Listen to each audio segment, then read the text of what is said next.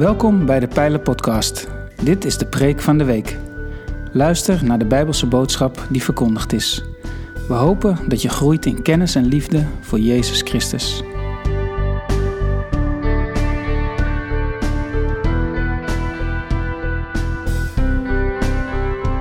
In de pijler staan we de komende weken stil bij het thema Maak van de hemel eens wat meer je hobby. In de Pijler podcast van 12 april vind je meer informatie over de achtergrond van deze preekserie. Op 25 april sprak Jurgen Lindenhols over Gods plan om de hemel en de aarde te verlossen. Wat betekent dat voor de toekomst? En wat hebben wij daar vandaag aan? Wij die volgens de Bijbelse schrijvers leven in het einde van de huidige tijd. Jurgen vertrok zijn preek vanuit 2 Petrus 3. Ja, goedemorgen, wat fijn om bij jullie te zijn deze ochtend. Live in de huiskamer, of waar je maar zit. Ik weet niet hoe je erbij zit, ik kan jullie niet zien. Maar uh, ja, we leven nog steeds in een bijzondere tijd. En dan mag ik met jullie gaan nadenken over de nieuwe hemel en de nieuwe aarde. Ja, er is veel onrecht in deze wereld. En dan kan zo'n gevoel van, ja, je gaat later naar de hemel, kan een enorme troost zijn voor mensen. Maar kijk nu ook om je heen in deze tijd van corona. Weet je, we hopen er snel uit te komen. We hopen snel op versoepelingen. We hopen snel dat je misschien eerst met 30 mensen, dan met 50 mensen bij elkaar kan komen. En op den duur weer met z'n allen. Dat je elkaar weer kan zien. En ik reed vanmorgen deze kant op en dan, dan denk ik dan aan de pijler en dan denk ik aan het podium en dan denk ik aan jullie die er allemaal zitten in de lekkere zachte rode stoelen en dat je aan het eind hard moet roepen zodat iedereen weer wakker schiet. Maar dat je elkaar weer kan zien. Allemaal weer een beetje grijzer, weer een beetje ouder, weer een beetje kaler. Ehm, en dat je soms aan één blik genoeg hebt, hè? je weet het wel. Dat je even opzij kijkt in je rij en je ziet iemand die je herkent en je geeft een knipoog. Je, je ziet elkaar en de ander is gezien. En dat is er nu niet. En datzelfde gevoel wat daarbij ontstaat, dat je zo hoopt dat je elkaar weer kan zien, dat je zo hoopt dat je dicht bij God kan zijn, daarom geeft die Bijbel zoveel troost wanneer het spreekt over de hemel. Maar is het uit corona komen, zijn die versoepelingen nu het allerbelangrijkste? Of is het eigenlijk hetgene wat we na deze periode weer kunnen doen? Dat we elkaar echt kunnen zien. Dat we het evangelie van Jezus echt weer door kunnen geven. Dat dat liefhebben van elkaar en het liefhebben van God weer kan live bij elkaar. Want het gaat eigenlijk helemaal niet over het einde van de coronatijd. En zo gaat het in het leven eigenlijk ook helemaal niet over de hemel. Want die hemel is, zou je kunnen zeggen, het tegenovergestelde van wat wij hier nu vaak op aarde meemaken wanneer er onrecht is. Het gaat om het grote verhaal. Het gaat om het samen optrekken. En toch ben ik bang dat ook in deze tijd dat corona misschien voor ons soms wel, nou, ik zou kunnen zeggen, de grootste afleiding is. En ons uit elkaar drijft. Weet je, er is veel meningsverschil over of het nou wel of niet echt is, of hoe de vaccins werken, of weet ik wat er allemaal is. En dat verdrietige daarin is dat dat zelfs dus in kerken in staat is om volgelingen van Jezus uit elkaar te drijven. En dan denk ik dan, jongens, onderweg we missen een afslag. Want waarom is een mening over corona belangrijker dan wie Jezus is uiteindelijk? En zo geldt hetzelfde wanneer we kijken naar de hemel en de nieuwe aarde. We kunnen heel erg uitzien naar herstel. Heel erg uitzien naar een nieuwe hemel, naar een nieuwe aarde. Maar gaat het daarom? Of gaat het erom wat wij ondertussen hier doen? En ik moest bij deze gedachte moest ik denken aan een tekst die Petrus schrijft in zijn tweede brief. En daar schrijft hij over het einde van de tijd. En dan wil ik straks met jullie daar wat dieper op induiken en nog wat verder erover nadenken. In 2 Petrus 3, vers 10, daar staat het volgende. De dag van de Heer zal komen als een dief. De hemelsferen zullen die dag met luid gedreun vergaan. De elementen gaan in vlammen op, de aarde wordt blootgelegd en alles wat daarop gedaan is, komt aan het licht. Nou, als dit allemaal op die manier te gronden gaat, hoe heilig en vroom moet je nu dan wel niet leven? U die uitziet naar de dag van God en het aanbreken daarvan bespoedigt. Die dag gaan de hemelsferen in vlammen op. En de elementen van de vlammen smelten weg. Maar wij vertrouwen op Gods belofte en zien uit naar een nieuwe hemel en een nieuwe aarde waar gerechtigheid woont.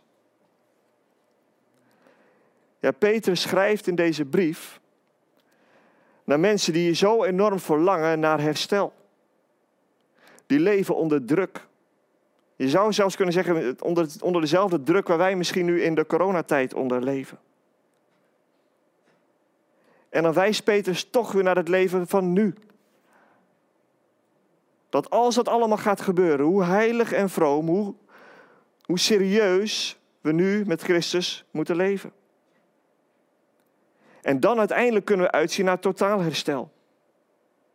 Weet je, als we nadenken over de hemel, over het hiernamaals, dat laat echt zien, dat is dan voor later, weet je. En dat is dan een troost als je, als het einde van je leven nadert of zo. Maar dan is het voor ons van belang om te kijken, ja, maar waar komt, die, waar komt dat vandaan? In welk, welk kader staat dit hele gebeuren? Hoe zijn we hier gekomen? Waarom verlangen we naar de hemel? Als God alles gemaakt heeft wat er is. En die vraag, daar heb ik toch wel een tijdje op zitten kouwen. Als we Genesis 1 lezen, het allereerste vers van de Bijbel, het eerste zinnetje wat daar staat, daar staat in het begin schiep God de hemel en de aarde. En de aarde was nog woest en doods. En duisternis lag over de oervloed. Ooit ver in het verleden was het hier donker en doods.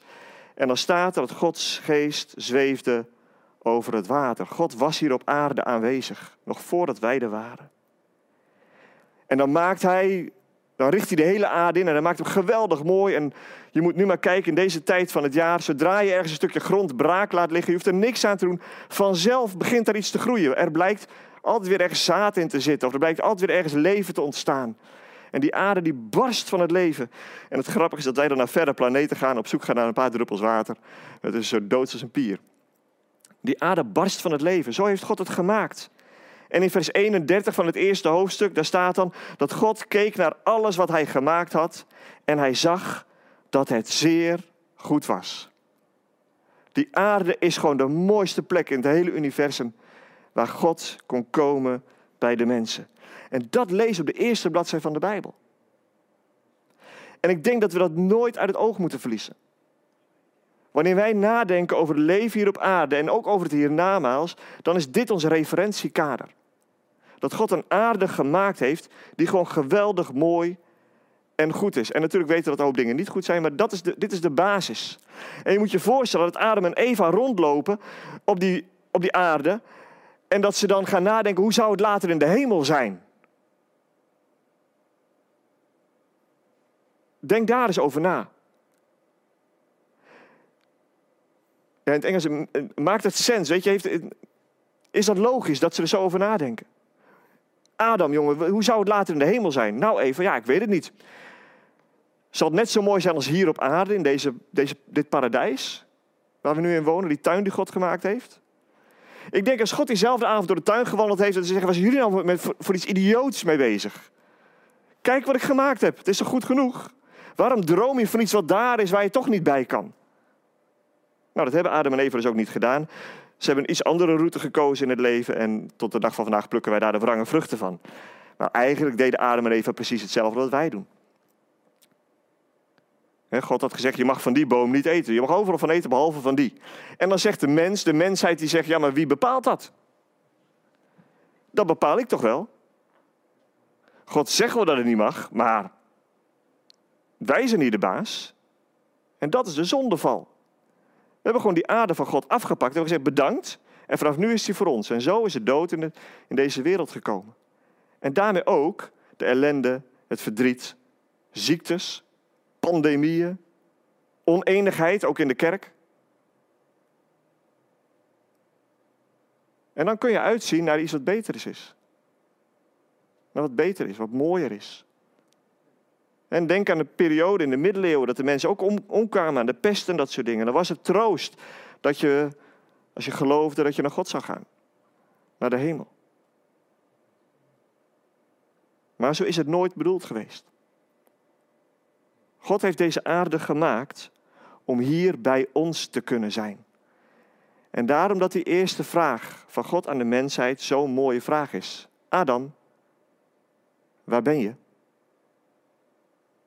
En natuurlijk wist God precies waar Adam was, dat hij bij de derde boom rechts om het hoekje stond, verstopt. Maar God vroeg, waar ben je? En dat vraagt hij vandaag ook aan jou. Waar ben je? En wanneer we dan, nadenken over de nieuwe hemel en de nieuwe aarde, dan zien we daar uiteindelijk het totale herstel.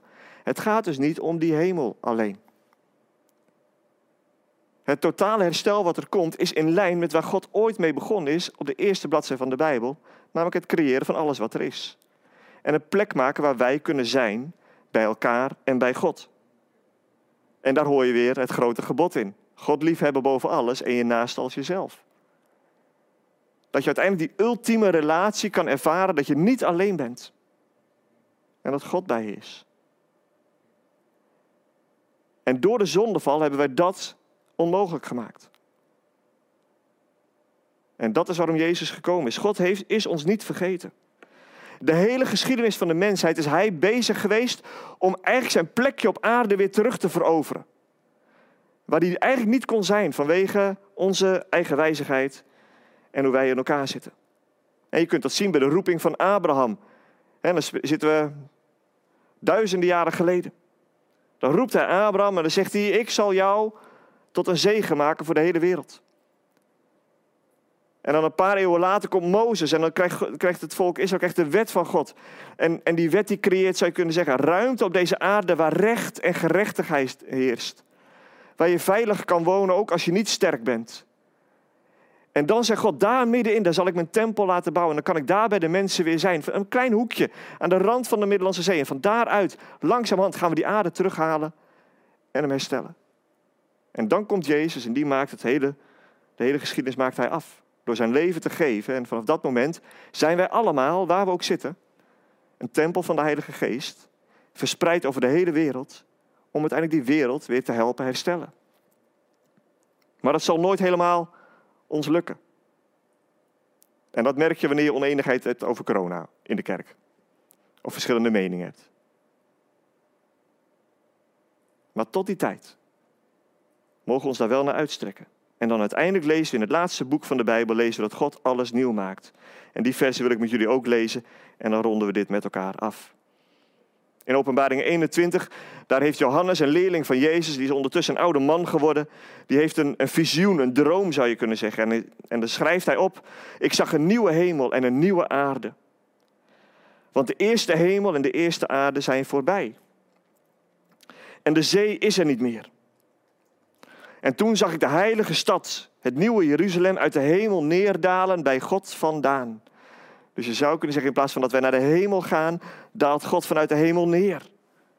En ze was als een bruid die zich mooi heeft gemaakt voor haar man en hem opwacht. Ik hoorde een luide stem vanaf de troon die uitriep: Gods woonplaats is onder de mensen. Hij zal bij hen wonen. En bij mij gaan alle registers weer open naar het begin van Genesis. Oh, God die loopt door de tuin. En aan het einde is het weer zo. God is onder de mensen. Zij zullen zijn volken zijn en God zelf zal als hun God bij hen zijn. Hij zal alle tranen van hun ogen afwissen. Er zal geen dood meer zijn, geen rouw, geen jammerklacht, geen pijn, want wat er eerst was, is voorbij. En dan even verder in het hoofdstuk. Schrijft Johannes, ik raakte weer in vervoering en hij nam mij mee naar een hele hoge berg en liet me de heilige stad Jeruzalem zien, die uit de hemel neerdaalde bij God vandaan. Diezelfde stad, even vanuit een ander perspectief kijken. En de stad schitterde door Gods luister, met een schittering als van edelsteen, als een kristalheldere jaspis. Ze had een grote hoge muur. Het is veilig daarbinnen, met twaalf poorten. En bij elke poort stond een engel. En, de, en op de poorten waren namen geschreven, de namen van de twaalf stammen van Israëls zonen. En vanuit het oosten gezien waren er drie poorten, vanuit het noorden drie, vanuit het zuiden drie, vanuit het westen drie. En de stadsmuur had twaalf grondstenen, met erop de namen van de twaalf apostelen van het Lam. En zo zie je dat die stad die God laat neerdalen op deze wereld, dat alles wat Hij in de geschiedenis gedaan heeft om de mensheid weer te bereiken met Zijn liefde, samenkomt in de symboliek van die stad. De twaalf stammen van Israël Als een bescherming eromheen. Opnieuw gerechtigheid op aarde. En de twaalf grondstenen met de namen van de apostelen, waarbij dus alle gelovigen uit de hele wereld, uit alle volken, daar ook weer bij mogen horen in Christus. En dan in vers 22, dan sluit dit af met de volgende zin, maar een tempel zag ik niet in de stad. Want God, de Heer, de Almachtige, is haar tempel met het lam. En dat is waar wij naar uit mogen zien. Dat we tot die tijd hier ons best doen om samen als geloofsgemeenschap op te trekken, God te eren, elkaar lief te hebben, goed nieuws te zijn voor onze omgeving. Dat we hier een klein beetje hemel op aarde creëren. Een klein beetje waar de vergeving is en de acceptatie is van elkaar. Waardoor je veilig kan zijn. Maar wat uiteindelijk helemaal volmaakt zal worden wanneer Gods vinger opnieuw deze aarde zal beroeren en alles zal herstellen. Weet je, de Bijbel is een dik boek. En is soms ook wel moeilijk en er staan ook ingewikkelde verhalen in. Maar van kaft tot kaft gaat het erover dat God bij mensen wil zijn. En bij jou wil zijn. Dat je thuis kan zijn op deze aarde.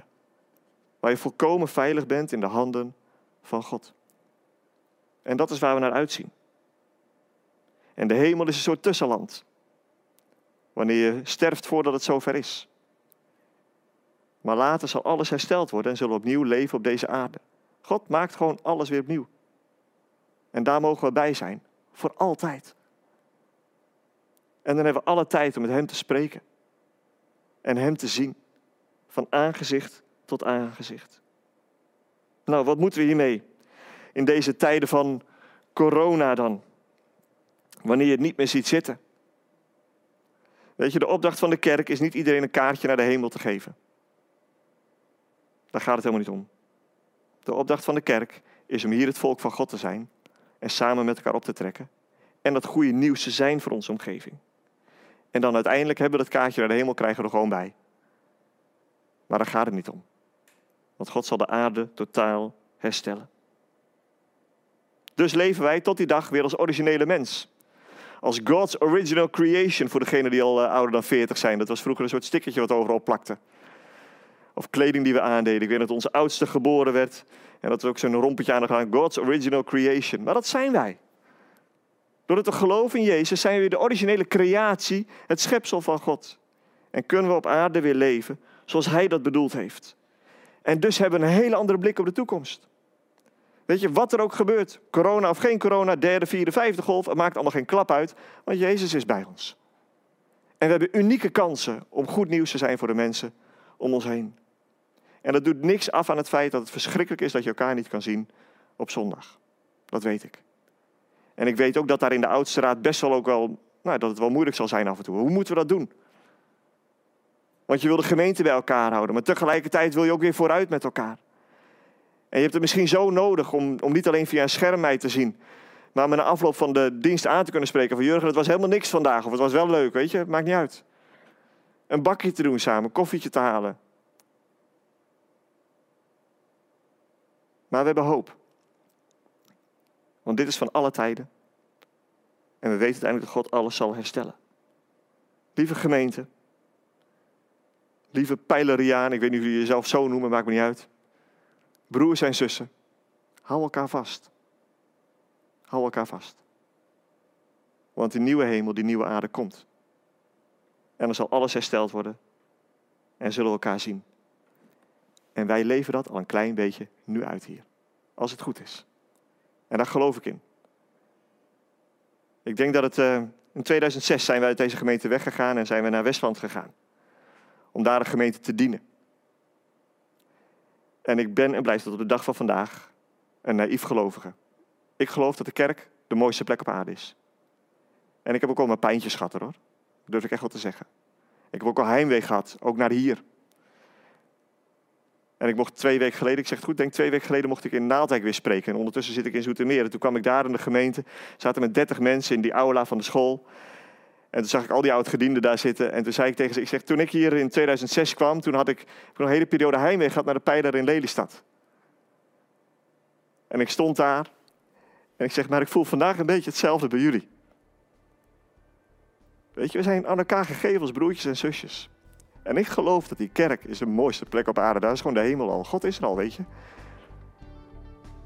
En dan, dan droom ik ervan dat we later met elkaar, al die gelovigen samen, al die mensen die ons zijn voorgegaan, dat we samen die nieuwe aarde zijn.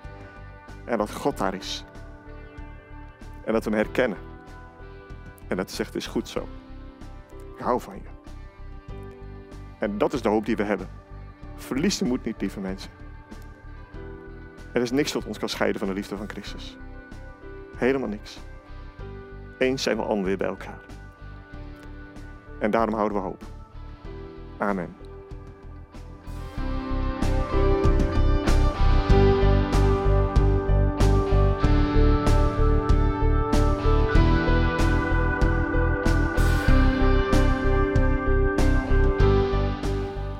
Bedankt voor het luisteren naar deze aflevering van de Pijlen Podcast, Preek van de Week. Heb je vragen naar aanleiding van deze preek? Stel ze. Dat kan via een e-mail naar onderwijs.pijler.nl. We helpen je graag verder in je groei als leerling van Jezus Christus. Abonneer je op deze podcast, zodat je altijd op de hoogte blijft van het onderwijs uit de Pijler. Goede week gewenst, ga in vrede, want God is nabij.